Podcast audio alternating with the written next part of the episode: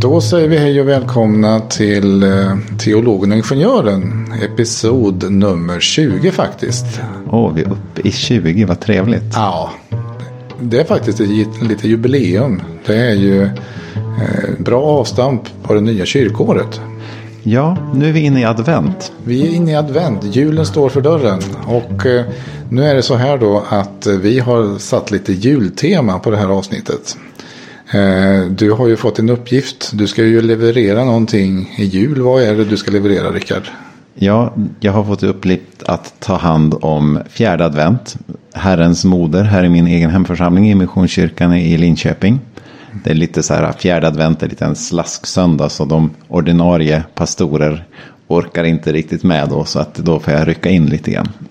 Du ska alltså göra diverse saker men du ska bland annat eh, köra en predikan.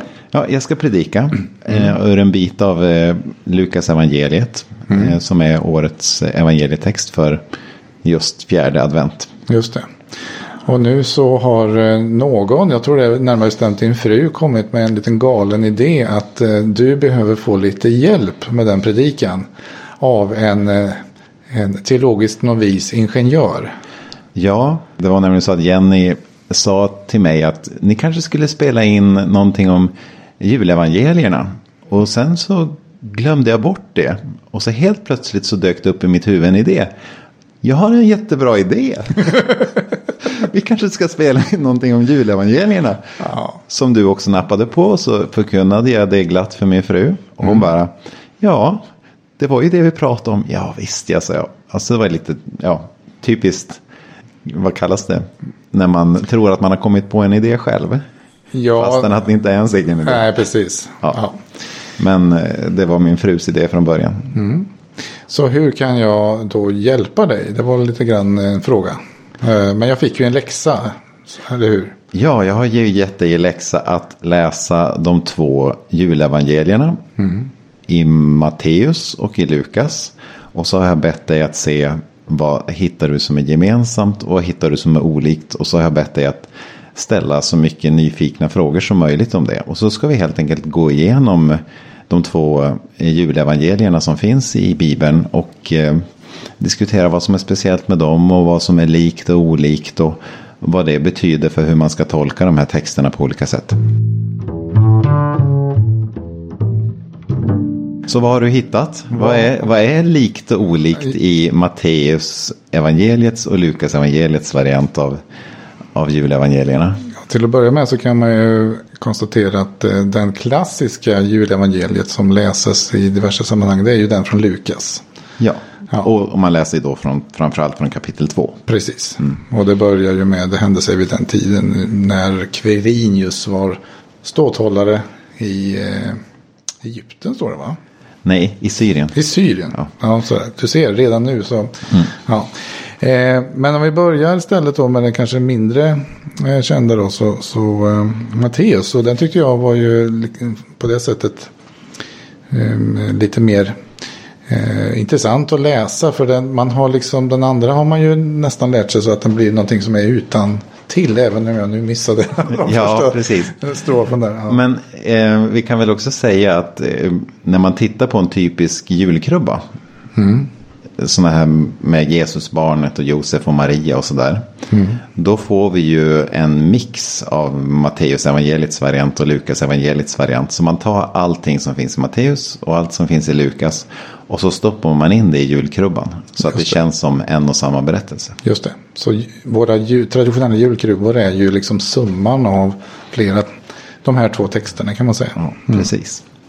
Ja, eh, till att börja med så, så är det väl, om vi nu ska ta det lite grann i, i den kronologiska ordningen här, så, så båda eh, evangelierna börjar med en släkttavla för Jesus. Och min lilla så att säga, nyfikenhet var ju att jag började ju faktiskt jämföra dem där. Men det är noggrant och bra arbete Ja. tycker jag. Eh, och ska vi vara petnoga så är det så att Matteus börjar med släkttavlan. Och Lukas tar släkttavlan först i kapitel 3. Just det. Men det, det är bara en detalj. Men jag hittade den i Ja, Lukas. det är mycket bra gjort. Ja, just det. Och, eh, det, de, de var ju inte riktigt eh, lika. Eh, det var ju de närmsta generationerna på Jesu där var ju, stämde ju namnen. Men sen så leda isär. Den eh, ena börjar i Abraham. Eh, den andra drar på ända bort till att Gud är, är, är urfadern så att säga. Det är ganska ambitiöst. Ja, precis. Och det är ju Matteus som börjar med Abraham och Lukas som börjar med ja, Gud och Adam. Mm. Och det har lite grann att göra med deras olika teologiska profiler. Matteus vill verkligen förankra Jesus i det judiska folkets historia. Då är den naturliga startpunkten Abraham. Just det. Och eh, Lukas vill förankra Jesus i mänsklighetens historia. Eh, och då blir den naturliga startpunkten Adam. Eh, och det har ju att göra med dels att Matteus har ett särskilt intresse för att visa att eh, Jesus är fortsättningen på Guds förbund med det judiska folket. Och dels att Lukas vill visa att Jesus har kommit för att rädda hela världen. Just det, så att de har två olika målgrupper kan man säga. Ja, det kan man säga. Är, det, är de skrivna vid skilda tidpunkter väldigt, eller är det när, närliggande? Ja, det där är en fråga som man förut var nog forskningskonsensus att Matteus och Lukas var skrivna ungefär vid liknande tid, runt 80-90-talet. Mm. Men nu har det svängt lite grann så fler och fler forskare tänker sig att Lukas kanske är skrivet så pass sent som början av hundratalet. Men det, det råder ingen forskningskonsensus längre där. Eh, och skälen till det är att fler och fler forskare har pekat på att eh, framförallt apostlagärningarna tycks vara beroende av en del källor som är från sent 90-tal. Eh, framförallt den judiska historikern Josefus som skrev om judarnas historia på mitten av 90-talet. Och då måste vi nästan förlägga Lukas till 100 eller senare. Mm. Men eh, ja, det där är ganska tekniska frågor. Mm. Så, men de kan, antingen är de samtida eller så är Lukas lite senare. Mm. Men det kanske också var lite mer konsensus att det gällde budskapet gällde hela mänskligheten. Medan det kanske i början var lite mer judiskt som målgrupp. En, en... Ja, ja, fast när vi tänk, kommer runt 80-90 så har nog kristendomen spridit sig ganska så rejält till eh, icke-judiska kristna. Mm. Så att eh, det skulle inte behöva vara något bekymmer just när vi kommer så pass långt fram i tiden. Just det. det är bara precis den allra första generationen där de tvekar på att ska vi verkligen inkludera hedningarna, alltså icke-judarna mm. i, i, i den kristna gemenskapen. Mm. Och så, sen så bestämmer man sig för det. Mm. Och Paulus, den första stora aposteln till icke-judarna, han är ju aktiv redan på 40, 50, 60-talet. Okay. Mm. Du noterade att det var lite olika namn i dem. Ja. Och det är ju ett lite intressant bekymmer. Eh, att det står, framförallt i de sista generationerna, är namnen olika. Mm. Eh, och det vanligaste traditionella förslaget på varför de är olika. Det är ju att Matteus presenterar Josefs släktlinje. Mm. Medan Lukas presenterar Marias släktlinje.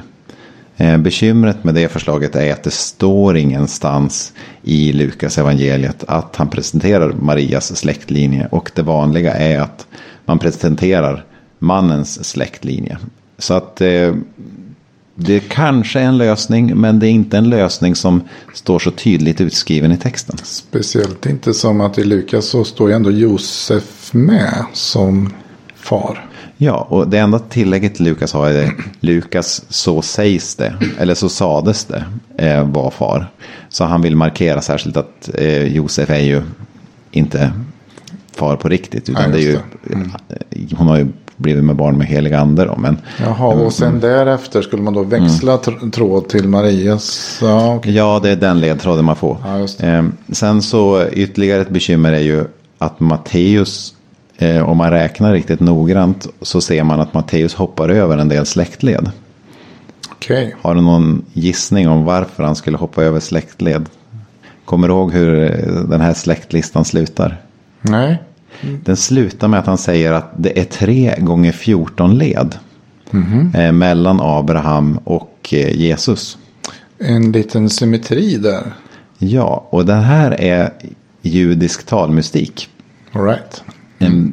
Den troligaste förklaringen är att 14 det är summan av talvärdet av D, V, D. Mm. Alltså eh, konsonanterna i David. Ja. 6, nej 4 plus, nej 6 plus 4 plus, nej 4 plus 6 plus 4. Fyra, just det. Det blir 14. Det blir 14. Japp. Och 3 har ju den talmystika betydelsen av att vara fullkomning, det kompletta. Så det är ett sätt att säga nu kommer den fullkomlige konungen av Davids ett. Ja, okej. Så det är lite eh, hintar där för den som är lite insatt att det 3 gånger 14 led fram till Jesus. Nu kommer den fullkomlige Messias. Just det. Ja, men det är ju ett... Eh, talen ska man hålla koll på. Ja, så att han, han trixar lite grann med leden där för att han, han ska få till det där med 3 gånger 14 kan man säga. Så nämner ju Matteus också spännande nog fyra stycken kvinnor mitt uppe i alltihopa. Annars brukar man ju bara nämna männen i de här mm. släktlistorna. Och eh, de fyra kvinnor som nämns är ju väldigt spännande. Eh, det är, nu ska vi se, det är Tamar, det är Rahab, eller Rahab, och det är Rut och det är Urias hustru, det vill säga Batseba. Och de nämns för att markera att här har vi några kvinnor som är viktiga för vägen fram till Jesus. Och de här kvinnorna är antingen icke-judar, det vill säga hedningar, eller så är de judar som lever omoraliskt på ett eller annat sätt. Eh, och eh, det han vill säga är att troligen med det här det är att icke-judar är en viktig del av den historia som leder fram till Jesus Kristus. Och syndare är också en viktig del av den historia som leder fram till Jesus Kristus. Och sen blir ju det också viktigt sen senare i Matteus evangeliet för att motivera varför ska vi inkludera icke-judar? Han vill ju skriva till judar. Varför ska vi ta med sådana som inte är judar i den kristna gemenskapen? Jo, därför att sådana som inte är judar har ju inkluderats i det judiska folket ah, redan tidigare. Och så sen så fortsätter han då genom evangelierna att visa på exempel på hur sådana som inte är judar har särskilt stark tro på Jesus Kristus. Både den kananeiska kvinnan och den romerska soldaten som Jesus möter visar exempel på stark tro. Och så sen i avslutningen av Matteus evangeliet så sägs det ju att ni ska gå ut i hela världen och göra alla till mina lärjungar. Ja, ska vi fortsätta med dina jämförelser här då? Vad Ja. har hittat för likheter och olikheter? Eh, änglarna är ju engagerade i det här eh, scenariot naturligtvis. Eh, I Matteus då eh, får man först träffa en ängel när Josef funderar på att skilja sig. Ja, Då dyker det upp en ängel och, som säger förklara läget och övertygar eh, Josef att eh, inte skilja sig. Medan det då i, i eh, Lukas, ja då har vi ju he- hela det här med Johannes döparens födelse, Elisabet och, och, ja. och den biten först. Men också då, Ja, Vi kanske ska förtydliga det för ni som lyssnar att i Lukas evangeliet så innan vi kommer till berättelsen om Jesu födelse så har vi en lång, lång berättelse om hur Joh- Johannes döparen föds. Eller Ja. hur, han, hur Elisabet, eh, Johannes döparens mor, blir gravid fastän att hon är väldigt gammal. ja. Och Och sen så kommer berättelsen om Jesus. Ja, och i, inflätat i Johannes döparen är ju också, är ju också detta, alltså Maria bebådelse. Att, att Maria blir ju så att säga havande. Ja, Ja, och ängeln är med där. Det är inget, inget, inget tal där, har jag för mig, om Josef och huruvida han går och funderar på. Nej, det är, det är en bra jämförelse. Alltså, så att änglatilltalet i Matteus kommer till Josef och änglatilltalet i Lukas kommer till Precis. Maria. Just det.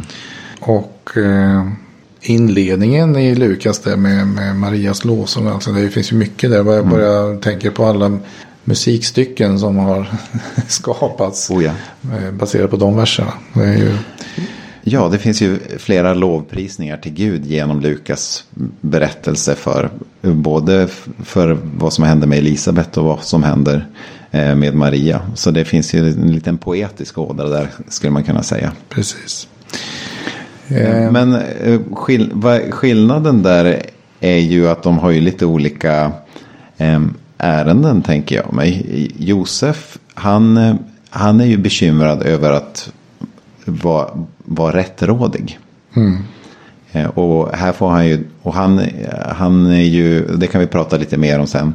Och i Marias fall så handlar det ju mer om att Maria ska bejaka den här uppgiften som hon får. Eller hon kanske inte får välja direkt. Men hon, hon får helt enkelt, hon ställs inför faktum. Och sen när hon ställs inför faktum då, då väljer hon att tacka ja. Kan man mm. säga. Mm. Istället för att protestera. Mm. mm. Ja, men det är ju så att i Matteus är det ju faktiskt just Josefs tvivel det börjar med. Mm. Det, det, är inte Matteus eh, ägnar inte någon möda åt att ens eh, förklara den här Marias hur hon blev gravid. Nej, så det är Josefs känslor i centrum i Matteus och Marias känslor i centrum i, Lukas skulle ja, man väl kunna säga. Precis. Eh, och så, ska vi prata mer om det redan nu kanske? Josefs känslor och Marie. Eh, ja, men absolut. ja. Mm. Josef han är ju bekymrad över hur han ska göra. För det är ju nämligen så här att det är ju ett väldigt allvarligt brott att som trolovad kvinna enligt judisk lag ha haft sex med någon annan. Mm. Enligt judisk lag så är det till och med så att om man är trolovad och har sex med en annan man frivilligt då ska båda stenas till döds. Okej. Okay. Ja. Eh, och Uppenbarligen vill inte Josef att hon ska stenas till döds. Mm. Men han vill ändå inte gifta sig med henne. Mm. Eftersom hon har haft sex med en annan man, tror mm. han. Mm. Och då står det att eftersom han är en rättfärdig man så väljer han att skilja sig från henne diskret. Mm. Det vill säga så att han inte behöver gifta sig med henne. Men ändå så att hon inte ska stenas till döds. Och det uppfattas då som den, vad säger, den mest diplomatiska vägen att gå i det här läget. Mm. Det är fokus på eh, hur det ska se ut. Ja, det kan man ju säga. Och han kanske helt enkelt brydde sig om henne tillräckligt mycket för att hon, han ville att hon inte skulle dö. Mm. Helt enkelt. Vi har ju väldigt svårt att förstå hur man kan se ett äktenskapsbrott som någonting så allvarligt. Så att man skulle döda för det. För i svensk lagstiftning så är det ju så att det, det, är inte brottsligt att vara otrogen överhuvudtaget. Vi mm. tycker ju såklart att det är omoraliskt även nu för tiden. Men aldrig att någon skulle liksom utdela något juridiskt straff för en sån grej. Mm. Och här är ju världen otroligt annorlunda idag jämfört med antikens tid. För hela den här biten med att kvinnor skulle kontrolleras av män. Mm. Det har vi försökt liksom göra upp med i våran tid. Mm. Men den här tiden var det någonting självklart. Att en ung kvinna hon skulle först kontrolleras av sin far ända tills hon blev bortgift och då skulle hon kontrolleras av sin man. Och en viktig del av den här kontrollen var ju just den här kontrollen över hennes sexualitet. Mm. Se till att hon helt enkelt födde legitima barn inom äktenskapet och mm. inte fick barn som inte var inom äktenskap. Därför att det var så viktigt att den, den som var pappa skulle få vara säker på att jag är pappan mm. till de här barnen. Eh, och också att det var en, en hedersgrej för hela familjen. Den, som hade, den man som hade ansvar för att hålla koll på en kvinna. Hans heder stod på spel om han misslyckades med att göra det här. Jag har ett bibelcitat om detta faktiskt. Eh, som uttrycker hur män runt den här tiden tänker. Och det är ur Jesus Syraks vishet kapitel 42. Det står att en dotter är sin fars hemliga bekymmer. Han blir sömnlös av oro för henne. Medan hon är ung för att hon ska bli över och när hon blivit gift för att hon ska bli förskjuten. Medan hon är ogift för att hon ska råka i olycka och bli med barn i föräldrahemmet. Och när hon är gift för att hon ska vara otrogen eller för att äktenskapet ska bli barnlöst. Vaka ständigt över en självsvåldig dotter så att hon inte drar över dig fiendernas åtlöje, skvaller i staden och anklagelser bland folket och skämmer ut dig inför alla människor. Du, det här borde du och jag meditera över känner jag. Vi, jag är vi, så glad att jag inte lever i den här tiden. Vi, vi är Eller... båda eh, fäder till eh, enbart döttrar. Ja. Du förstår. Ja, och jag, jag alltså... känner bara så här, vad skönt att jag inte levde under den här tiden. Det säger jag bara. Och, och, och det här, man förstår ju hur bekymmersamt det här var. Därför att man försöker ju gissa ungefär hur gammal Maria var. Eh, Du kanske har hört siffran typ 14 någon gång. Okej, nej, Eh. ja. Mm. Eh, kom, den här siffran kommer helt enkelt från att judiska män och kvinnor genomgick ju bar mitzva respektive bat mitzva. Vi vet inte med säkerhet vilken ålder det är runt den här tiden. Men i, i Mishna som är bara ett par århundraden senare så får vi veta att det är 12 och 13 är siffrorna som nämns. 12-åriga kvinnor verkar räknas som, som vuxna. Är, det, är det motsvarigheten till konfirmation? Det är, nej, det är, då är du vuxen. Då är, kan Okej. du i princip gifta dig. Jaha. Och för oss är det så här, va? Gifta dig när du är 12, det är Ja. helt sjukt. Ja, precis. Eh, Men eh, det var, alltså att gifta sig något eller ett par år efter att man blev då räknad som vuxen, det var helt normalt i antiken. Speciellt för kvinnor. Eh, Män kunde ofta vara lite äldre. Och det finns en tidig text som spekulerar lite grann kring Jesu barndom. Den är från 100-talet som heter Jakobs protoevangelium. Som Ehm, det är liksom lite fantasifull utveckling av de här berättelserna som eh, i lite olika manuskript nämner att hon är 14, 15, 16, 17 år. Så att det liksom varierar från olika manuskript. Men deras föreställning är ändå att någonstans mellan 14 och 17 är, är liksom en lämplig ålder som hon skulle kunna ha varit i ehm, för det här då. Så hon var i den här åldern precis. Hon var vuxen men inte gift än. Ehm. En, en, en, en kanske konstig fråga, eller så fråga. Ja. Vad är det för ålder på Josef? Ja, det har ju spekulerats i. Och i, i de här tidiga texterna så tänker sig flera, bland annat eh, Jakobs protoevangelium, att Jakob, nej, Josef eh, var väldigt gammal. Att han hade haft ett tidigare äktenskap.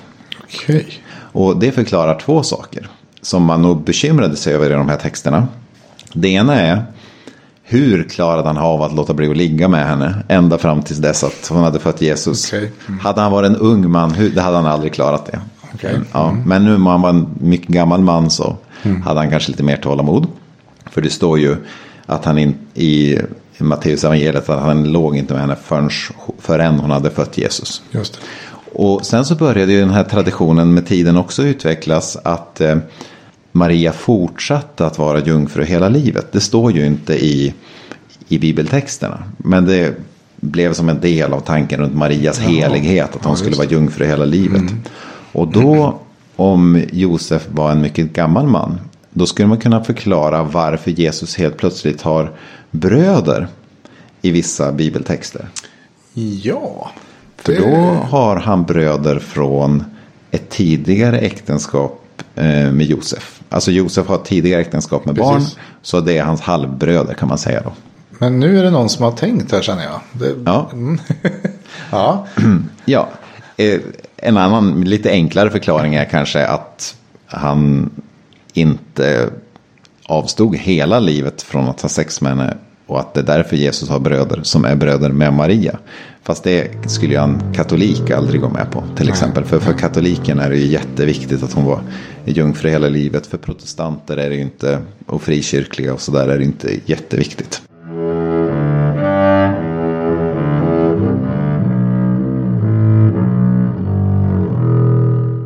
Så Herodes tid. Och vet man vilka år det handlar om? Eh, vi, det står ju pratat i Lukas om den här skattskrivningen. Och kejsar Augustus påbud. Och eh, kort och gott. Eh, vilket år föddes Jesus? Ja, om Herodes, det vill säga Herodes den store, levde. eh, Så måste det vara innan år 4 före Kristus. Därför det vet man att han dog i år Ja, vi fyra. vet utifrån mm, bland annat Josefus, historieskrivaren Josefus, att Herodes den store eh, dog 4 före Kristus. Här har vi ett litet bekymmer. Därför att Herodes nämns både i Matteus text och i Lukas text. Men Lukas nämner också Quirinius, att han var ståthållare. Just det. Och där vet vi också från Josefus att han blev ståthållare år 6 efter Kristus. Det är ju ett problem. Ja, så Jesus kan ju inte vara född både senast 4 före Kristus och tidigast 6 efter Kristus. Nej. Så här har den troligaste är att eh, Lukas har gjort en miss. Här helt enkelt. Att han har inte riktigt koll. Nej. Eh, och då om vi tänker att Lukas har gjort missen. Så skulle man då kunna. Eh, var det så att då vet man typ någonstans innan fyra före Kristus. Ja, precis. Och i och med att Lukas dessutom nämner Herodes. Det skulle kunna vara eh, hans Herodes son. Eh, som också hette Herodes i förnamn. Alltså han hette Herodes Arkelaus. Eh, och, men troligen så tänker även Lukas på Her- Herodes den store när han nämner Herodes. Dessutom är det lite lurigt med den här skattskrivningen. Därför att det finns ingen stor skattskrivning för hela världen som, eh, som vi känner till överhuvudtaget. Nähä. Det, det vi känner till är att eh, kej, kejsare Augustus eh, beordrade lokala skattskrivningar på olika platser allt eftersom. Eh, och eh, helt enkelt för att registrera folk för att kunna ta in skatt.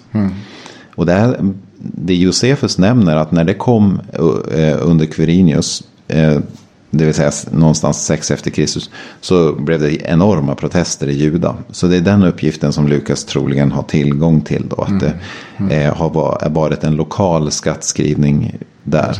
Eh, men det är lokalt och ehm, den kan då inte ha skett så pass tidigt som när Herodes den store levde. Nej. Och, Ytterligare ett bekymmer. Här kommer nästa bekymmer. Det finns inga som helst bevis på att man måste ta sig till sina gamla släktingars stad för att skattskriva sig. Så det är ganska konstigt att, de, att använda det som anledning för att knalla upp till eh, Betlehem. och det vet man att det var inte det som var praxis. Nej, det finns inga bevis på det. Utan det simplaste för alla myndigheter och det enda rimliga är ju att eh, de registrerar folks var de bor just nu. Ja, verkligen. Det, ska, det låter som oerhört opraktiskt att dra runt på befolkningen.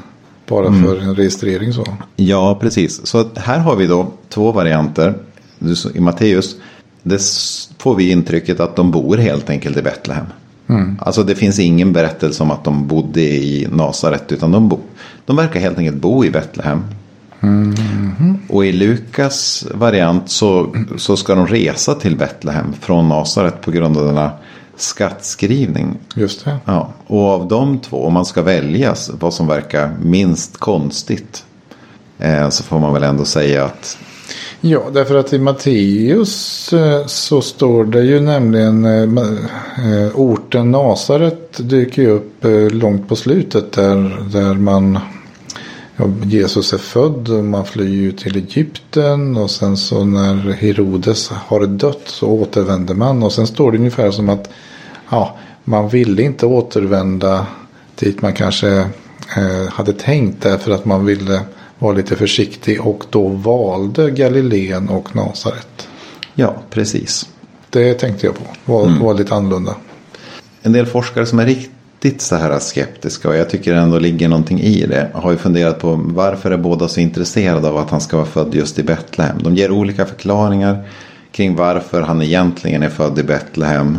Fastän att han är uppvuxen i Nasaret. Och det är ju helt enkelt för att han är en davidisk kung. Jesus ska vara en davidisk kung som är från Betlehem. Så det är viktigt för dem.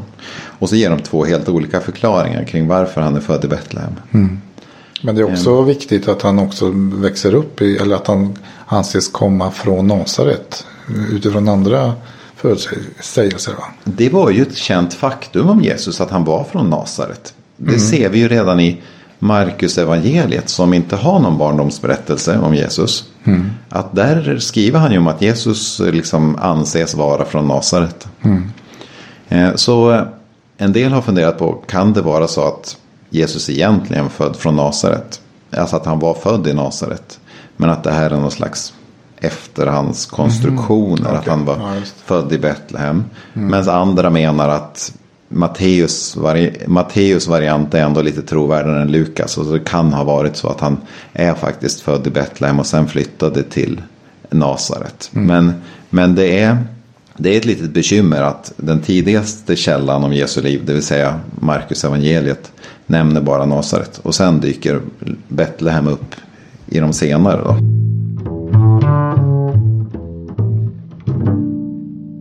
Generellt, jag menar Lukas, eh, vad sa vi, alltså det är ju kanske 100-110 år eh, efter det hände som det skrevs.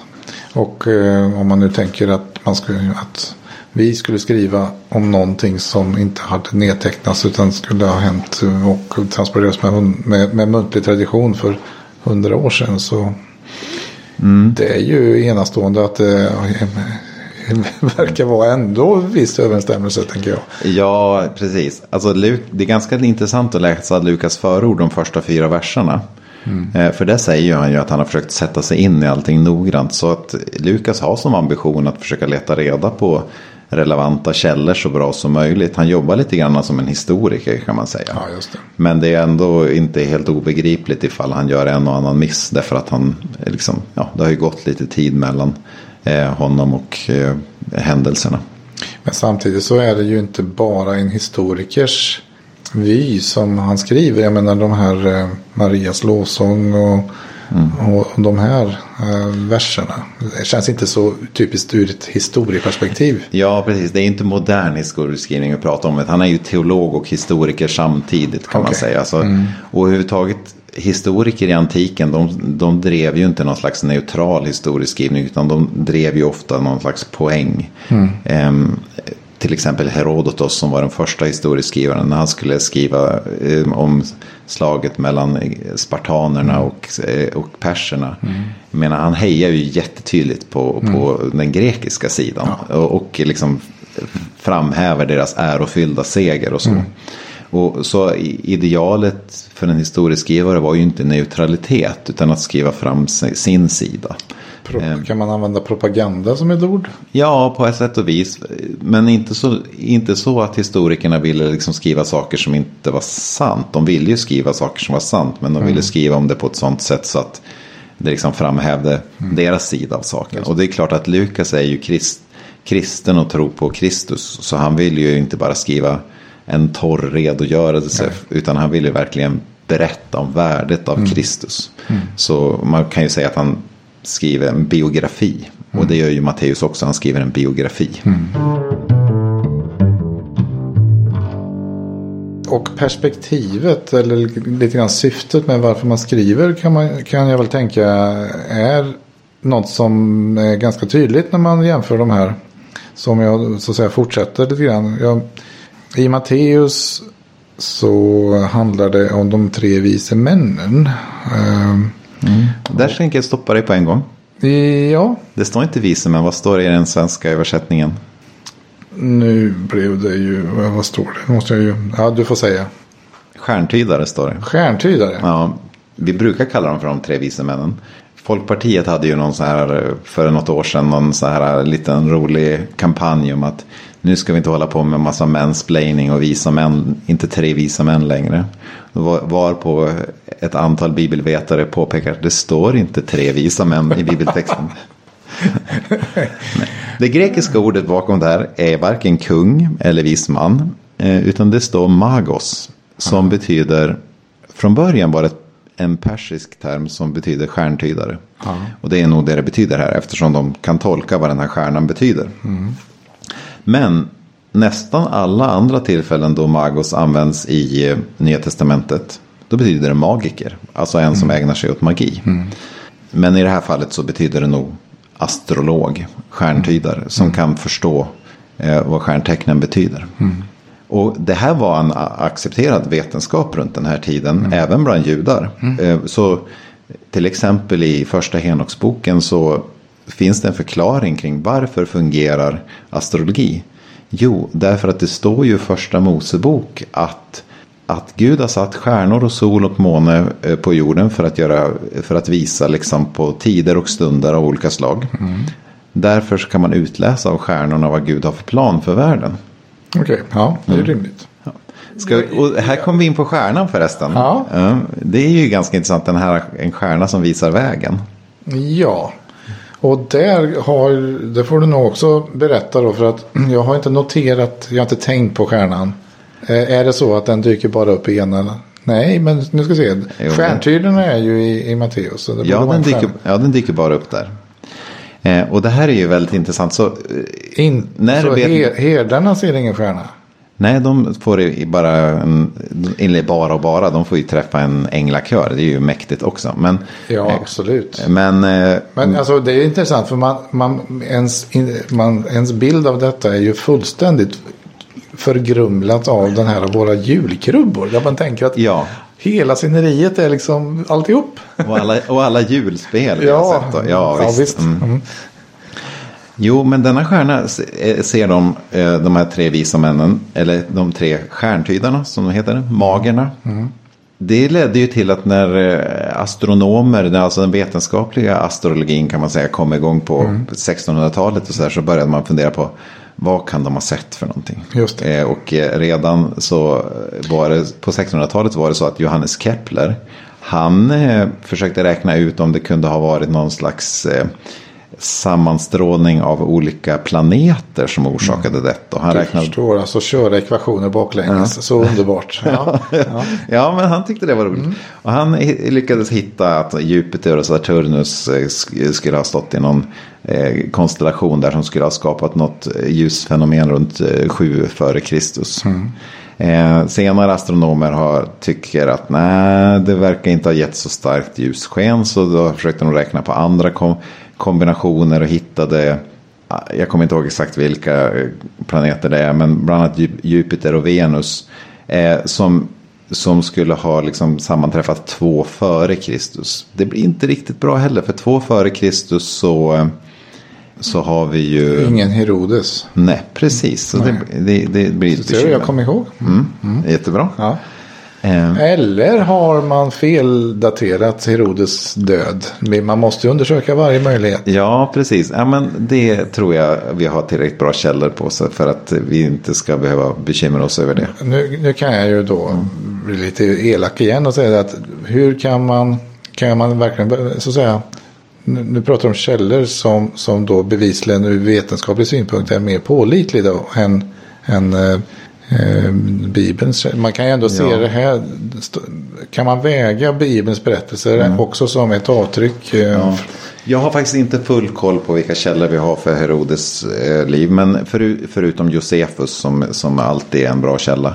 Men jag är ganska säker på att det handlar också om ett antal inskriptioner. Eh, men jag, jag ska inte svara på det med säkerhet.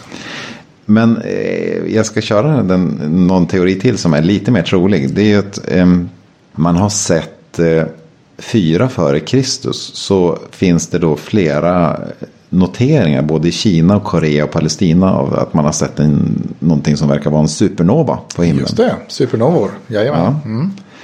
Den har noterats på flera stål, eh, håll över världen. Och det, det är ju jättespännande. Eh, så det, var, det är kanske det vanligaste förslaget att det skulle handla om, om den då. Dock så är det ju så här att eh, inte ens en supernova kan uppträda på ett sånt sätt så att den vägleder folk fram till ett visst ställe. De kan inte följa en supernova till en viss punkt på jorden. Nej, det, det är alltså en supernova är ju en stjärna som exploderar. Ja, precis. Och det, det betyder att den är i alla händelser väldigt, väldigt långt bort och har väldigt liten förmåga att så att säga röra sig på himlavalvet. Ja, Ja, där är vi överens. Mm. Så, så det, det, Lu, nej, vad säger jag? det Matteus skildrar är ju något mirakulöst. En, ett, en stjärna som rör sig på ett sånt sätt att de hittar till en viss plats. Ehm, och det, det finns inget sätt att kunna bevisa att någonting sånt har hänt bara med hjälp av astronomiska beräkningar. Utan har det hänt så är det helt enkelt någonting som ligger utanför den normala ordningen i universum. Meteorit kanske som brann? Eller något. Ja, jo men någonting sånt. Ja. Eh, det går, för det jag menar, sådana saker sker ju varje år. Och det här är ju en ganska viktig begränsning vad det gäller historisk kritisk forskning. Eh, I den utsträckning som någonting sker som, som strider mot naturlagarna. Så går det ju egentligen inte att diskutera historiskt kritiskt. Därför att historisk kritisk metod måste nästan per definition förutsätta att allting funkar som vanligt. För annars blir det så kaotiskt mycket möjligheter att ta hänsyn till. Så då kan man inte bedriva historieforskning längre. Eh, och då får man säga, händer det något mirakulöst så ligger det utanför vad som går att bedöma med historisk kritisk metod. Ja, ja men då, då blir det ju så många frihetsgrader så att det, det spelar, Ja. man hittar ju inte rätt i sammanhanget då. Eh, Jaha, det var stjärnan alltså. Eh, men det var intressant. Eh, eh, men, men det här perspektivet då återigen då. Eh, I Matteus fall så pratar man om de österländska stjärntydarna. Ja. Den öster, vad, vad betyder österländsk i det här fallet? Ja, det är att de kommer österifrån och troligen då ska föreställas vara perser. Aha, okej. Därför att perserna var ju de som var kända för att vara bäst på astrologi. Just det. Eh, och det är också en liten poäng där då. Att mens, det, mens Herodes och alla runt omkring honom. Eh, hela Jerusalem oroas över detta. Att det kanske har fötts en ny Messias. Så blir de här eh, österländska, det vill säga icke-judiska stjärntydarna väldigt glada. Och det här är också, tycks det vara Matteus sätt att driva den här poängen. Att hela tiden så är det så att Jesus får mer motstånd från den det egna folkets elit. För inte hela det judiska folket, men framförallt eliten i det judiska folket. Men icke-judar tycks vara intresserade av att förstå vem han är. Just det. Så det blir en slags fortsättning på det, de hintarna vi får redan i den här eh, berättelsen. Då. Ja.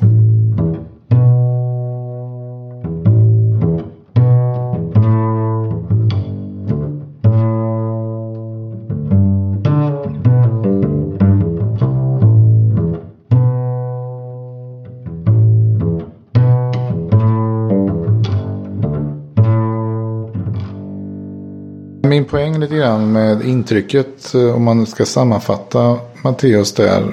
Alltså det börjar ju med, med att man, Matteus inte pratar så mycket om Maria. Utan det pratar om eh, att Josef ska, ska så att säga rädda sin heder. Eh, Och sen så kommer de här stjärntydarna och eh, det är ju en hel del beskrivet om Herodes och kungen och makteliten och bekymren fram och tillbaka. Och att man sen ska döda eh, alla förstfödda i en viss ålder och hela den biten. Medan då Lukas skippar det här med stjärntydarna. Eh, fokuserar mycket mer på Maria. Bryr sig inte så mycket om Josef. Ja. Eh, och plockar fram då eh, herdar som man kanske eh, antar jag är, är eh, väldigt eh, kanske mar- mar- inte marginaliserat men, men det är en yrkeskategori som kanske inte är den mest statusbringande. Alltså det, vi har low key eh, perspektiv eh, Ja. i Lukas. eh, Genomgående och, och eh, en änglakör och så vidare. Det är väldigt annorlunda.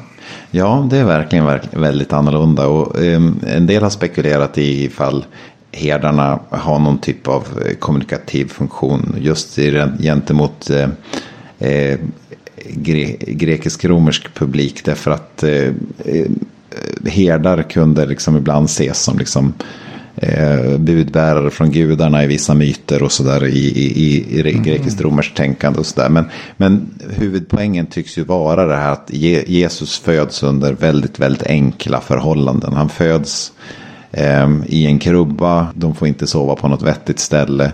Det kommer väldigt enkla människor och, och hälsa på dem och så. Ja, och ordet stall förekommer dock inte. Nej, i Lukas variant, och Matteus nämner ju ingenting om detta överhuvudtaget, men Lukas variant nämner bara en krubba. En krubba. Kan man använda krubbor någon annanstans än i stall? Den tidigaste text vi har om var, var han föddes är, Justinus martyren. Och han eh, tänker sig att han föddes i en grotta. Och det var ett ganska vanligt ställe att ha boskap på. Eh, I olika grottor. För det finns väldigt mycket naturliga grottformationer. Eh, I området runt Betlehem och så. Så att det kanske är en ganska rimlig tolkning då. Att han föddes i en grotta. Men det står inte. Så det kan man ha som en lite så här klurig festfråga. Eh, var föddes Jesus in enligt, eh, enligt Lukas evangeliet? Och rätt svar är då, det står inte. Det står inte. Nej, rätt svar är, det. För det enda som står är att han inte fick vara på härberget. Och det här det står i kontrast till allt det som sägs om Jesus i genom hela eh, Lukas evangeliet. För att Jesus kallas då för Guds son och han kallas för frälsare och han kallas för en som ska komma med ett evangelium. Mm. Och det här är ganska spännande i relation till romerska makten. Därför att det, vi vet att eh, kejsare, bland annat kejsar Augustus, brukade kalla sig själva för Guds son. Mm. Och de brukar kalla sig själva för frälsare för hela världen. Som kommer med ett evangelium. Så det var liksom romarrikets propaganda. Och just kring eh, när republiken försvann och det blev kejsardöme? Eller? Ja, eller alla områden de erövrade. Om ja, de erövrar okay. ett område så sätter de upp propaganda. Vi har kommit med ett evangelium, en frälsare som kommer skapa fred i er region och, och sådär. Så det, det är en ockupationsmaktsretorik? Ja, och det är väldigt intressant att Lukas evangeliet då säger att Jesus är Guds son och frälsare och den som kommer med ett evangelium. Han blir nästan som ett alternativ till romarmakt, eh, den romerska makten. Ja, mm. Och nu har en del frågat, är det här någon slags rebelliskt från Lukas menat att, eh, att eh, vara som en slags uppstudsighet mot den romerska makten. Mm. Men det tycks egentligen inte vara det, utan eh, det är bara ett sätt att säga att Jesus är så högt upphöjd så han är till och med högre än den romerska makten. Men samtidigt så blir det väldigt tydligt, framförallt i apostlagärningarna, att Lukas samtidigt vill visa för, kyr- för hela världen att kyrkan är inte farlig för den romerska makten. Kyrkan beter sig väl, är inte ett hot för den romerska makten.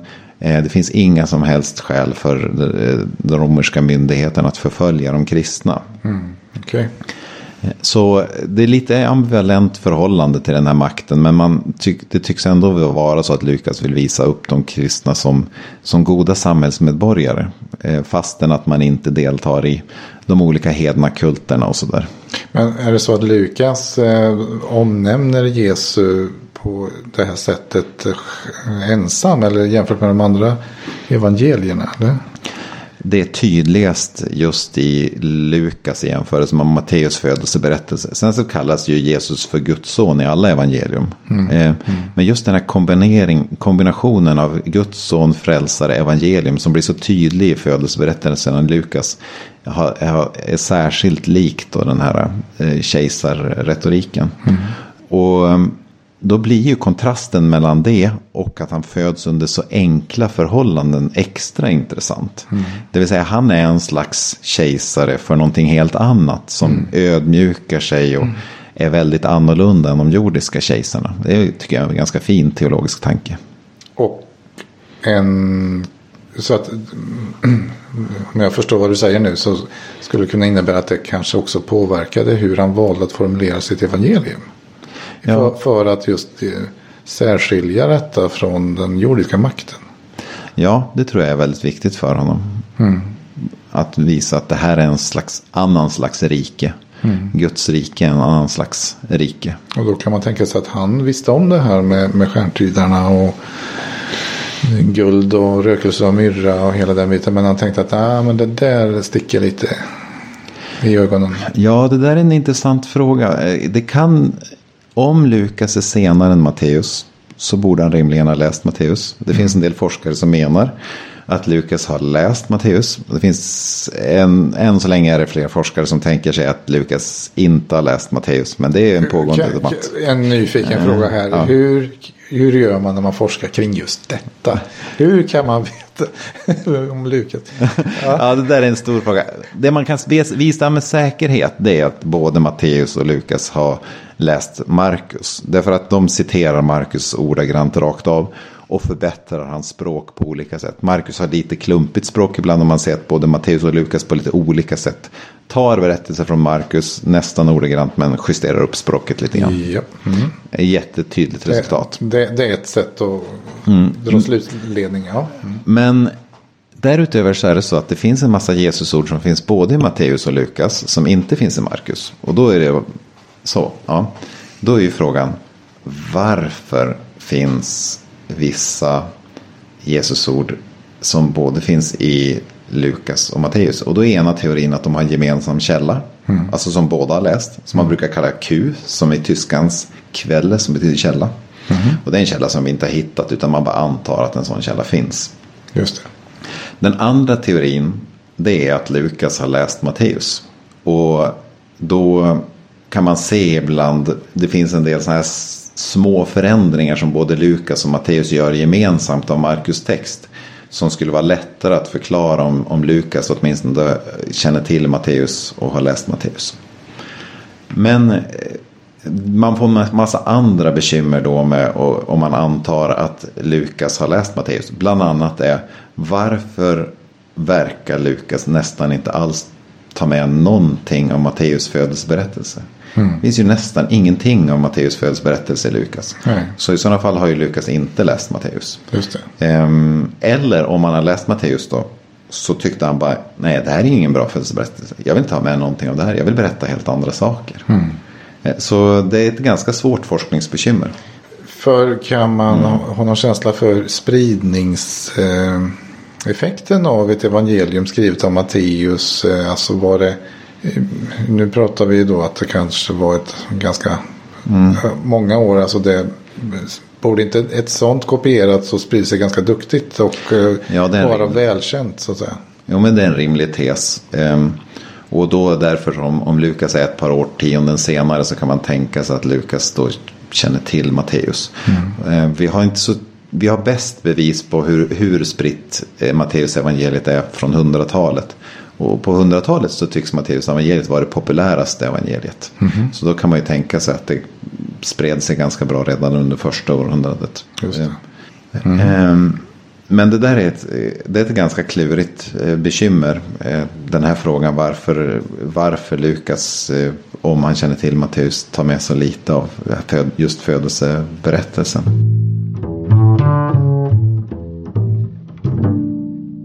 Har du hittat några mer likheter och skillnader? Där Lukas väljer mycket enklare förhållanden mm. äh, än, än, äh, än Matteus. Och sen skiljer, när väl Jesus är född så, så är det ju lite olika berättelser fram mm. tills han kommer in i aktiv tjänst. Man, man ja. plockar fram lite olika aspekter. Men det, det har jag liksom inte liksom, tolkat in som någon, någon, någon, signifikant grej egentligen. Det kanske det är. Men, men... Jo men det är ganska signifikant. Om vi börjar med Matteus. Mm. Eh, Matteus han har ju den här rörelsen där Jesus flyr till Egypten. Mm. Och sen kommer tillbaka. Mm. Vem har, vilka har tidigare gjort den rörelsen ner till Egypten och tillbaka? Det är ju hela det judiska folket. Precis. På det sättet så tycks Matteus vilja förankra Jesus tydligt i den judarna, judiska historien. Och också presentera eh, Jesus som den nya Moses.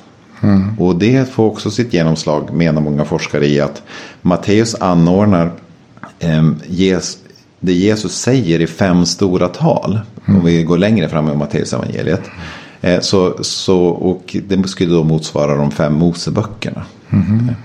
Ehm, det är en teori, det står ju inte rakt ut någonstans i Matteus. Men, men det finns en del som tyder på att, att eh, Matteus vill liksom ställa fram Jesus som, som den nya Mose. Och precis som Mose räddades undan en eh, ond bråd död i sin barndom så räddas också Jesus undan mm. en ond bråd död i sin barndom på den mirakulösa sätt. Mm. Och genom hela födelseberättelsen, jag vet inte om du noterade det, att Matteus säger vid flera tillfällen att det här skedde därför att det som profeten hade sagt mm. skulle uppfyllas. Mm. Och så citerar han olika profeter i Gamla Testamentet. Och mm. det är ju en poäng som Matteus driver hela tiden. Att nu kommer mm. uppfyllelsen av det som Gud har planerat hela tiden genom mm. hela det judiska folkets historia. Precis. Och det är ju någonting som inte drivs alls lika hårt av Lukas. Nej. Och det har ju med att göra helt enkelt att Matteus skriver för en judisk publik och han vill liksom övertyga just judar om att Jesus är Messias. Mm. Det det. Ehm, en sak till om, eh, om det. Tänkte du på att det lite, han, han ska kallas Jesus och så ett av de här Matteus-citaten är för att det skulle uppfyllas profetian att han ska kallas Immanuel. Nej, tänkte jag inte på. Jag Det är- är väldigt transparent här. Ja, nej, men det är bra. Det här är ju lite förvirrande, eller hur? Alltså, han ska kallas Jesus därför att han ska kallas Immanuel. Um, enligt profetian. Ja, och då tänker jag direkt att det kanske är ett synonym på något sätt. Det är ju en mycket intelligent gissning. Ja, tack. Ja, jag Ja. Tycker, du, du har talang för det här måste jag säga. Ja. Jo, eh, det är faktiskt, jag tror, man måste tänka sig att Matteus tänkte sig att det var synonymt. Och Mm. eh, Jesus är ju då en grekifiering av Josua. Mm. Eller Jeshua som troligen uttalades runt Jesus tid. Som betyder Herren frälser. Och Immanuel betyder Gud är med oss. Och att Gud är närvarande är ju att Gud är, är där och frälser.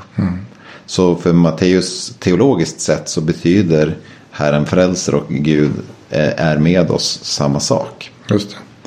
Eh, Så för honom är det klockrent. Så, även om det inte är exakt samma namn. Men det har förvirrat en del. Ja, om man inte känner till de här sakerna, vad orden betyder, så, så låter det jättekonstigt. Jag ska strax släppa Matteus eh, variant här, så ska vi gå in på Lukas. Men en sak måste vi nästan prata om. Hur många är de vise männen? Det står ju inte, eller hur? Nej, Ja. det har du rätt i. Ja. Eh, Men, Men, eh, men gåvorna är tre. det är mycket bra observation. Ja, okej. Pust. Ja. Ja, så därför så, det är därför traditionen uppstod att det är tre visa män. De har ju, fick ju till och med till en namn också som inte finns med i texten. De heter ju Baltasar och Melchior och Kaspar. Eh, och det är ju traditioner från, eh, från 500-talet. Eh, så. Men om vi tittar på den tidigaste kristna konsten och så där så är de två ibland och tolv ibland. Och, eh, Det kan vara lite av varje. Men det, kan, det är ju faktiskt ganska trevligt med flexibilitet. Då, Ja. då blir det lite variation. Ja. Och det står ju faktiskt inte ens i texten att de är män. Utan det står att de är mager. Precis. Och det står väl inte i Lukas att herdarna är män heller. Nej. Nej. Men eftersom både mager och herdar är mansyrken så är det väl ändå rätt troligt. Men det står inte i texten. Precis. Eh, Men rökelse och myrra, vet du vad det är för någonting? Nej. Det är kåda. eh, Från eh, alltså extra väldoftande träd. Eh, Den en, det ena är det här rökelsen då. Det är från en växt som heter boswellia. Och luktar väldigt gott när man eldar den. Och, Det finns eh, fortfarande växter. ja, finns idag. Eh, eh, Det Kan så att- köpas på vilken butik. Eh, Det vet jag inte för vilka butiker. eh, däremot så är det så att Etiopien är än idag det bästa landet för att, på att producera den här typen av vara. Eh, och även myrra då är en väldoftande kåda eh, som kommer från en, växt som heter komifora. Så det räknades som väldigt värdefulla varor. Eh, Värdiga en kung. Eh, Så att ge, ge honom just guldrökelse och myrra är ju liksom att eh, vörda honom som en kung helt enkelt. Just det.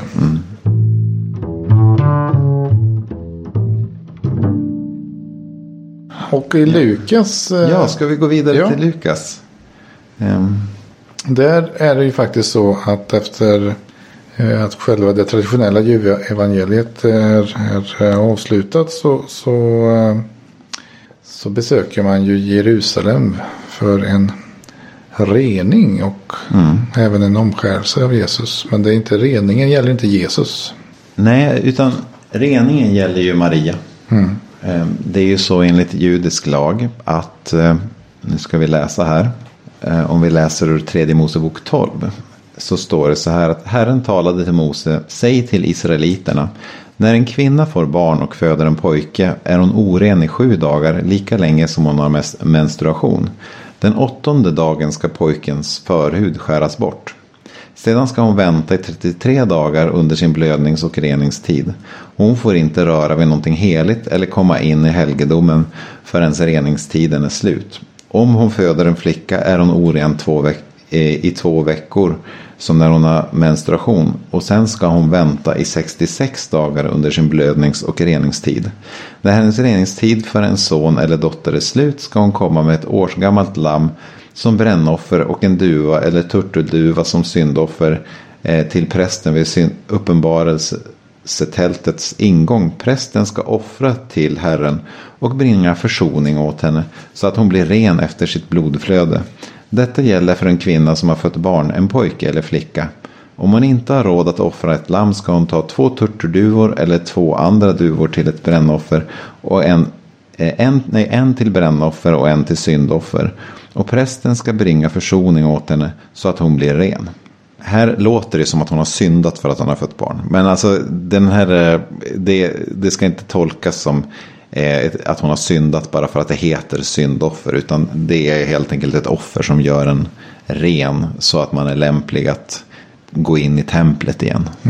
Ja. Rituell rening. ja, rituell rening.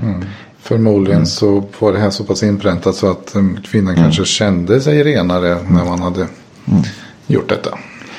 Ja, och eh, på, på något sätt kan man ju också tänka sig att eh, den här perioden eh, kan ju vara att hon hamnar i ett särskilt tillstånd och där hon räknas i, som rituellt oren. Kanske också var, kunde fungera som en förevändning för att hon fick ta det lite lugnt och inte vara så involverad i så mycket saker. Och, så, så, och det kan man ju behöva efter man har fött ett barn. Så det kan man ju fundera på om det skulle kunna ha någon sån funktion också. Det. Eh, Men eh, det är viktigt med templet här i Lukas evangeliet. Det, det är ju från början till slut så sker ju i nästan alla, vare- varenda scen i, i de första kapitlen om Jesu barndom sker ju i templet. Det är där de träffas om och om igen. Och det här är ju en viktig poäng för Lukas att det hela börjar i Jerusalem.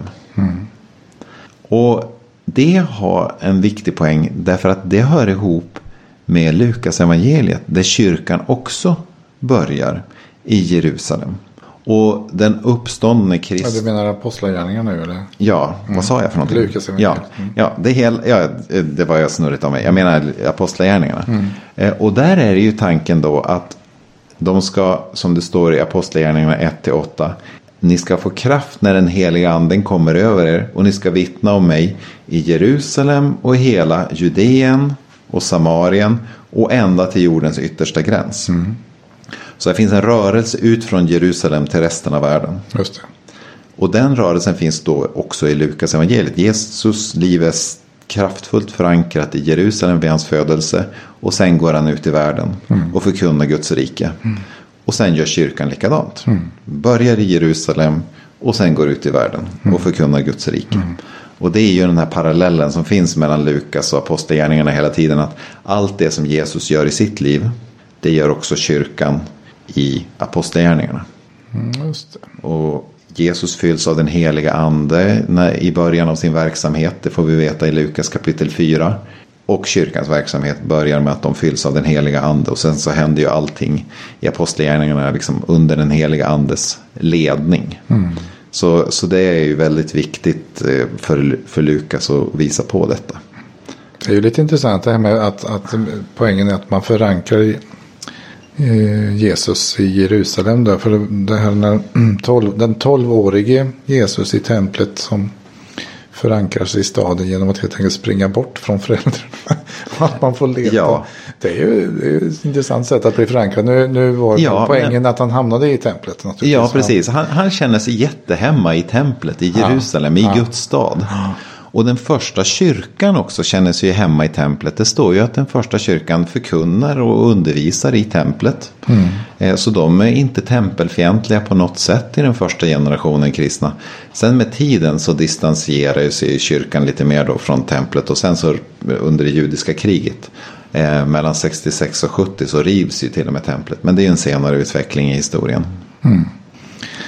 Ehm, Ja, men det är spännande. Det, en annan grej jag upptäckt. är Återigen en kvinna i Lukas där den med profetisk gåva Hanna. Ja. Fanuels dotter. Det kan jag inte påstå att jag har hört talas om så mycket i, i predikningar och sådär. Det var lite intressant. Ja, men hon är jättespännande. Men Ja. vad, varför tror, vad är det som du tycker är spännande med henne? Nej, det var mer att jag, jag, var, hon var mindre känd för mig. Ja, precis. Men hon, hon spelar ju en, en, en jätteviktig roll här. Eh, vi kanske ska läsa upp det så att vi får, eh, så vi får höra den här texten eftersom den är så pass okänd. Nu ska vi se här. Där fanns också, det är alltså när de har kommit till templet för att eh, eh, rena eh, Maria och eh, också, ska vi säga, eh, vis, eh, visa fram Jesus som förstfödd i templet. Eh, det är ju att då står det, först får vi veta då om eh, Symeon som välsignar dem och tackar Gud för att han äntligen har fått sett den här frälsningen som ska komma till, till Israels folk. Och sen så får vi då också eh, träffa Hanna, eh, Fanuels dotter av Aschers stam. Där fanns också en kvinna med profetisk gåva. Hanna, Fanuels dotter av Asherstam, hon var till åren kommen. Som ung hade hon varit gift i sju år. Sedan hade hon levt som änka och nu var hon 48 år gammal. 84. Nej, åt, ja, nu var hon 84, jag läste för snabbt. 84 år gammal. Mm. Hon vek aldrig från templet utan tjänade Gud dag och natt med fasta och bön. Just i den stunden kom hon fram och hon tackade och prisade Gud och talade om barnet för alla som väntade på Jerusalems befrielse. Det är ju jättefint. Och här är en ganska vanlig symmetri i Lukas evangeliet. Att ofta så nämns en man och sen en kvinna. Mm, just det. Ja. Och det, det okej. Okay.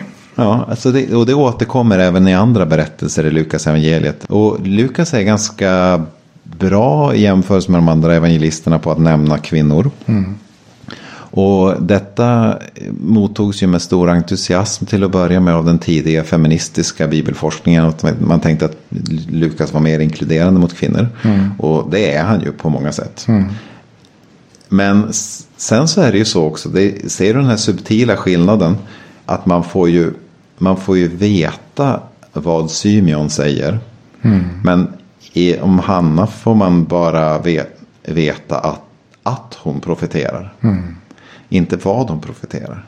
Och att jag skulle vilja påstå det är mycket ofta Symeons verser har varit med i, i predikningar och undervisning. Än, ja, just verser.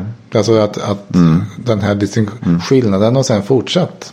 Ja, precis. Och överhuvudtaget så är det så att kvinnor får tala mindre än män i, genom hela Lukas evangeliet, apostlagärningarna. Så det är liksom lite både och. De, de är med, men de får inte tala så mycket. Nej, precis. Okej. Okay. Um, så det, man behöver nyansera bilden där lite grann. Mm.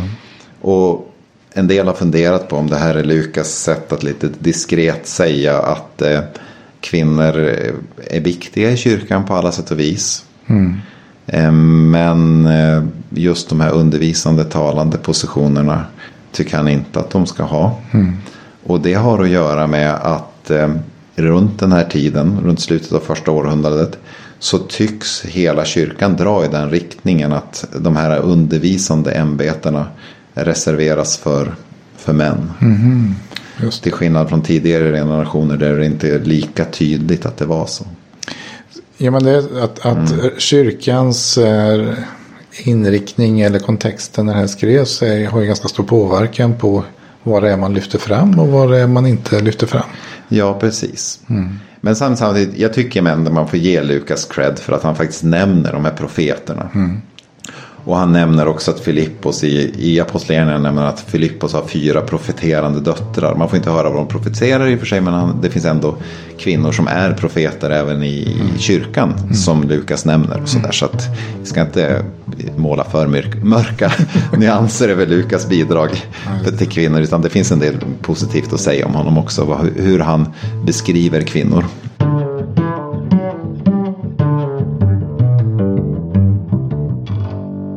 Du har ju refererat till lite andra eh, evangelier som inte är en av de fyra. Som inte är med i den standardiserade bibeln. Alltså det här med bibelvetenskap och, ja. och hur, varför det blev som det blev och vad man kan säga om de här sakerna. Kan du nämna lite grann om dessa saker? Eh, bibelvetenskap är ju många saker. Mm. Bibelvetenskap är ju både att vara historiker. Det har vi lite det vi har gjort nu. Vi har varit mycket historiker. Ja. Men det är också att vara vad man skulle kunna säga litteraturvetare. Det vill säga att förstå texten som litteratur. Mm.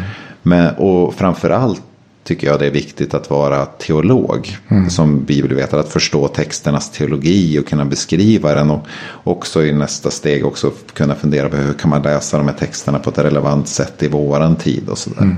så bibelvetenskap tycker jag både eh, historia, litteratur och teologi. Mm. Men, men apokryferna mm. utifrån den typen mm. av historikperspektiv så är de lika giltiga som, som övriga delar i Bibeln. Ja, en text. Om man ska vara historiker så kan man ju inte avgöra hur trovärdig en text är som historiskt vittne utifrån om den finns med i Bibeln eller inte. Nej. Däremot är det ju så att de flesta apokryfa texter är ju väldigt sena. Jaha, okej. Okay. Eh, så att till exempel den här Jakobs eh, protoevangelium som jag pratar om. Mm. Det är ju en sen text som är ganska, också till sin karaktär ganska spekulativ. Så den har ju mm. väldigt lågt historiskt värde. Okay. Och likadant alla de här gnostiska evangelierna. Eller, ja, eller vad man nu ska kalla dem för någonting. Alltså de texterna som finns med i det här Nag Hammadi-biblioteket som man hittade i Egypten. Vad hette det sa du? Nag Hammadi-biblioteket. Man hittade 1947 en massa eh, rullar med eh, texter med gnostiserande tendenser. Alltså lite spekulativ form av kristendom. Mm -hmm. eh, jättespännande.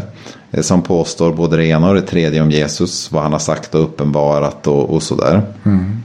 Men den generella bedömningen av de texterna är att det är ju så pass sena och spekulativa texter så att de har ju i stort sett inget värde för den historiske Jesus. Med ett undantag och det är Thomas evangeliet. Där vissa forskare bedömer att åtminstone några av Jesusorden i Thomas evangeliet har ett värde för att rekonstruera den historiska Jesus. Mm. Så Thomas evangeliet brukar många historiska Jesusforskare ta hänsyn till. Okej, okay. mm. ja, intressant. Ja, och sen finns det ju, det finns ju en del tidiga källor som är från första århundradet som är viktiga för att förstå kyrkan som inte mm. finns med i Bibeln. Mm. Ehm, till exempel ett brev som heter första Clemensbrevet som är skrivet av eh, biskop Clemens i Rom. Och eh, en text som heter De tolv apostlarnas lära som vi inte riktigt vet vars det är skrivet. Men eh, brukar dateras eh, kring första århundradet. Mm. Och, och, och, och, lite andra sådana texter. Så att eh, när man ska bedöma en text historiskt så, så är det ju de vanliga historiskt kritiska kriterierna. Hur nära i tid är det? Mm. Det är det viktigaste. Och det andra är vad har texterna för tendens? Hur, man måste ju läsa dem igenom vad, vad, vad har de för teologisk agenda med det, mm. de, det de skriver. Mm. Och då när det kommer till den historiska Jesus så är det ju så att den tidigaste källan vi har mm. det är ju Paulus. Mm. Han skriver ju då brev på framförallt 50 och 60-talet. Mm. Och han nämner ytterst, ytterst lite om den, eh, om den historiska Jesus. Han nämner i Galaterbrevet att Jesus var född av en kvinna och född att stå under lagen. Mm. Så där nämner han ju ändå Jesu födelse, men inte mer. Och sen så har han ju en teologisk principiell betraktelse över vem Jesus är. Eh, I Filipperbrevet kapitel 2 där han säger att han ägde Guds gestalt men vakade inte över sin jämlikhet med Gud utan avstod från allting och antog en tjänares gestalt. Då han blev som en av oss. Mm. Och så skriver han lite grann om Jesu ursprung också i inledningen till, till romarbrevet. Och så. Det är jättelite om Jesu födelse i, i Paulus. Och då antog han att den storyn hade, kunde eh, de som skulle läsa brevet redan att det kanske ja. redan var skrivet? Eller? Det är alltid svårt att avgöra varför Paulus inte tar med så mycket av Jesu liv. Eh, mm. Han, han citerar ju traditioner om Jesus vid några få tillfällen. Mm. Men oftast så gör han mest bara teologiska utläggningar av vad Jesu död och uppståndelse betyder. Mm. Och så skriver han också mycket praktiskt teologiskt hur kristna ska bete sig i församlingen och sådär. Mm. Men han, hans teologiska fokus är betydelsen av Jesu död och uppståndelse. Och därför så är det väldigt svårt för oss att veta vad Paulus vet och inte vet. Just det. det som gör saken ännu mer intressant är att den näst tidigaste källan eh, som vi har. Mm. Det är ju Marcus evangeliet. Mm. börjar ju med Jesus i vuxen ålder. Hoppar över Jesu barndom helt. Och även då om den här teoretiska källan Q finns. Det vill säga eh, om man försöker baklänges rekonstruera hur kan den här källan ha sett ut som Matteus och Lukas eventuellt haft tillgång till som båda har läst. Eh, Så finns det ju ingenting om Jesu barndom i den källan heller. Så de tidigaste källorna vi har eh, säger ingenting om Jesu barndom. Och sen så dyker det upp då berättelser om Jesu barndom i Matteus och i Lukas. Just det. Och det som är gemensamt med, det enda som är gemensamt i, i Matteus och Lukas det är ju han är född i Betlehem. Är viktigt teologiskt. Han är tillkommen genom den heliga ande. Eh, och Josef och Maria är föräldrarna. Eh, det är väl det som är liksom det gemensamma här. Och eftersom Lukas och Matteus då är sena källor. Och eh, vid de tidigaste källorna inte nämner någonting om Jesu födelse överhuvudtaget nästan. Precis. Mer än i väldigt allmänna ordalag. Och så är källorna så väldigt olika varandra. Då är det ju, man blir lite fundersam. Ja, och ska man använda då de vanliga hedliga historiskt kritiska kriterier så har vi sena källor som lägger till någonting som inte finns i tidigare källor och som dessutom säger emot varandra. Vi kan inte veta, någon, Matteus kan ha rätt, Lukas kanske kan ha rätt. Matteus har ju mindre bekymmer då med, med det här dateringsproblem då. Precis. Men det troliga är att båda är ganska spekulativa. Alltså att det är traditioner, kyrkans traditioner kring Jesu födelse. Man har börjat, man har börjat bli nyfiken på det här med, men hur gick det till med Jesu födelse? Och så har man börjat fundera mer på de frågorna. Och en del av de sakerna som finns i de här berättelserna kan möjligen gå tillbaka till traditioner som de har fått tag i som från säkra källor. Men det är jättesvårt för oss att avgöra vad som av allt det här som verkligen går tillbaka till nå- några historiska fakta om, om Jesu födelse. En minimalistisk variant skulle vara helt enkelt att Jesus föddes i all enkelhet i, i, i Nasaret. Och så sen så då har de liksom fyllt på. En lite mera eh, optimistisk variant skulle då kunna vara då till exempel att Matteus har ändå lite koll på att Jesus föddes i Betlehem. Vill man vara riktigt överoptimistisk så kan man kanske försöka lappa ihop både Matteus och Lukas. Och försöka fläta ihop dem till samma berättelse. Men det, det blir så otroligt krystat så att det, det är liksom det låter sig nästan inte göras. Eh, Så den tråkiga slutsatsen här är ju att ja, men det här är ett historiskt väldigt osäkert material. Bland det mest osäkra materialet vi har i, i hela evangelierna. Andra saker kan vi liksom med ganska god säkerhet säga att ja, men det här går tillbaka på den historiska Jesus. Att han, att han förkunnade Guds rike och att han uppfattades som en undergörare och en eh, demonutdrivare. Och att han, att han samlade lärjungar och vände sig till liksom, de som var utanför. Och alla de här sakerna kan vi med, säga att ja, men det här är jättesannolikt att, han, att det går tillbaka på den historiska Jesus. Men just födelseberättelserna det är utifrån historiskt kritiska kriterier. Eh, Men, men då kanske jag knepigt. kan, kan ändå få det på lite glada Ja. humör här. För det går ju nämligen att eh, nu är jag lite amatör. eh, Ja. ja eh, alltså Jesu mor Maria. Ja, Storyn om henne tog ju inte slut vid korsfästelsen. nej.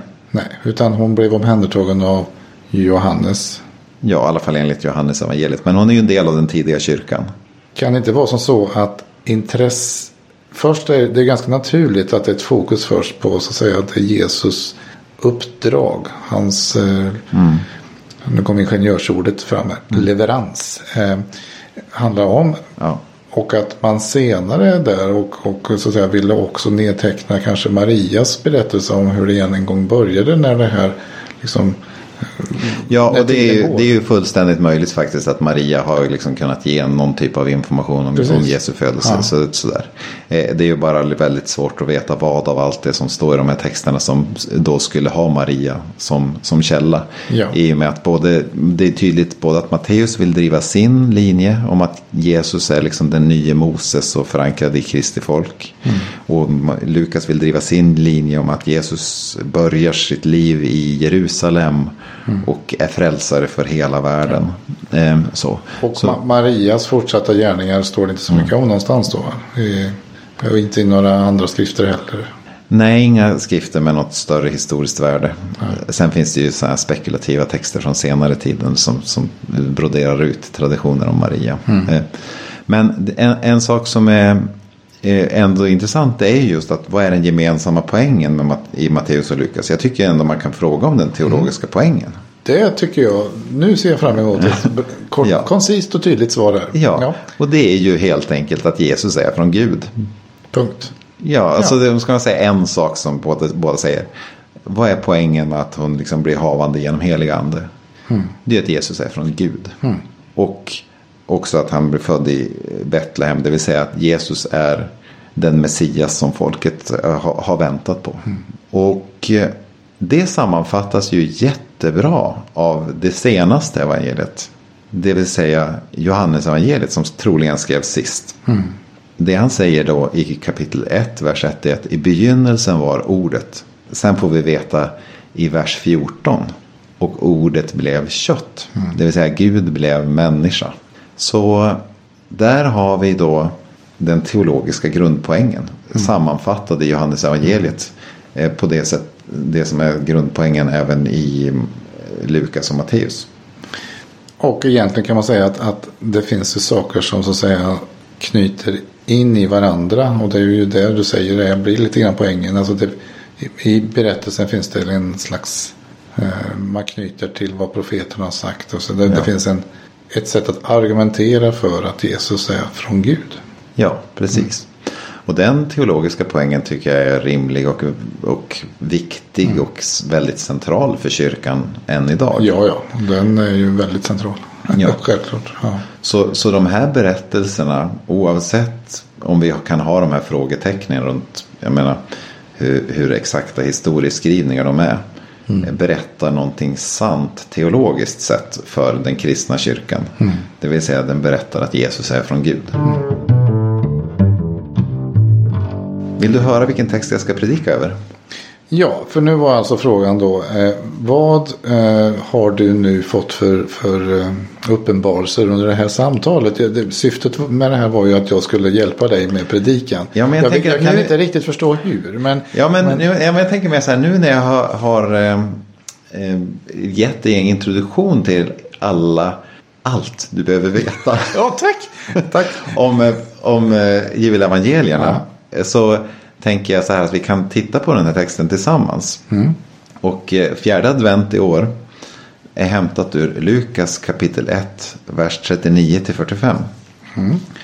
Och eh, situationen är då att eh, Elisabet har ju fått veta att eh, hon ska föda Johannes döparen.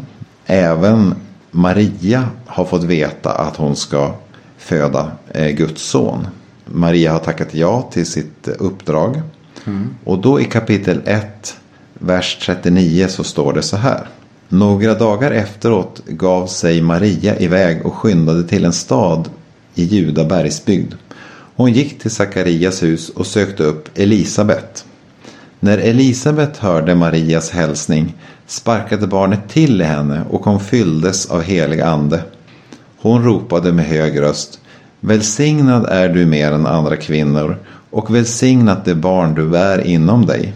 Hur kan det hända mig att min herres mor kommer till mig? När mina öron hörde din hälsning sparkade barnet i mig av fröjd. Salig hon som trodde. Ty det som Herren har låtit säga henne ska gå i uppfyllelse. Det ska du predika om. Det ska jag predika om, den lilla biten. Sen som predikant har man ju alltid rätt att predika även om det som händer runt omkring. Sådär. Men det här ska ändå vara fokustexten. Har du någon spontan reaktion på just den här texten? Nej men de där två kvinnorna är ju eh, otroligt viktiga i början här på Lukas evangeliet. Eh, Det är ju fokus. Alltså den här. Ja det är spännande och det är faktiskt. eh, Precis efter det du läst nu så kom ju. Så säger Marias lovsång. Ja. Det är ett väldigt eh, vackert avsnitt. Jo, så, så det, det tycker jag också är en jättebra idé. Alltså just det här att man fokuserar på mötet mellan eh, de här två kvinnorna. Eh, för de har ju på något sätt parallella öden. Båda, båda får ju liksom Guds uppdrag att föda någon som är väldigt, väldigt viktig för frälsningshistorien. Och Maria bor ju hos Elisabet. Ja, Just för att inte det ska framgå att eh, hon är havande tillsammans med Josef. ja, det står väl inte rakt ut men det kan man ju spekulera mellan raderna. Ja, Ja, lite så tror jag. Det var Ja. lugnast att bo någon annanstans. ja just det. Och, och Alltså de har ju Jo- Johannes döparen och Jesus har ju umgåtts en hel del som foster. Ja, det kan man ju säga. Ja. Jag vet inte, står det rakt ut att, att Maria har blivit gravid redan där? Hon har tackat ja till uppdraget här. Men, jag, men det är kanske mellan raderna att hon kanske har blivit havande genom helig ande. För det står ju i verserna in att hon ska eh, bli havande genom helig ande. Eh, om det har skett där eller Men vi, vi antar att det har skett där redan. Då umgås det ju de där då, lite tillsammans. Eh, Maria ligger ju inte lika långt fram i graviditeten så då som Elisabet. I sådana fall skulle då Maria vara precis i början och Elisabet ganska långt in i, i sin graviditet. Det är ju väldigt spännande det här att barnet sparkar till. Eh, Och, eh, och när barnet sparkar till då fylls hon av helig ande. Det borde man egentligen inte spekulera i så mycket som man. Utan fråga en kvinna vad det kan väcka för känslor och eh, andliga djup att känna ett barn sparka i sitt inre. Precis. Ja men det är ju en stor händelse. Ja, jag kanske ska gå hem och eh, låta min fru Jenny påminna mig lite grann om Ja. hur hon kände. Och, det kan vara en väldigt eh, viktig inspiration för en sån här predikan. Det tycker jag du ska göra och också tacka för hennes uppslag till Ja. det här avsnittet. Det ska jag göra. Ska vi avrunda där och eh, säga också att eh, för den som nu vill lyssna på den här fantastiska predikan så får man ju bege sig då till Linköpings Missionskyrka. Eh, gudstjänsten den fjärde advent. Ja, ni är så välkomna så. Som ni hör så har jag inte alls tänkt klart. Nej. Och eh, tyvärr kommer inte jag vara där. Eh, jag är på annan ort. Men eh, hur som helst. Vi får väl säga en önska våra lyssnare en eh, härlig julhögtid. Ja, det önskar vi er. Vi kommer väl tillbaka någon gång efter jul och nyårshögtiderna med något nytt spännande som vi inte har bestämt än. Precis. Ja, Tack ska ni ha. tack.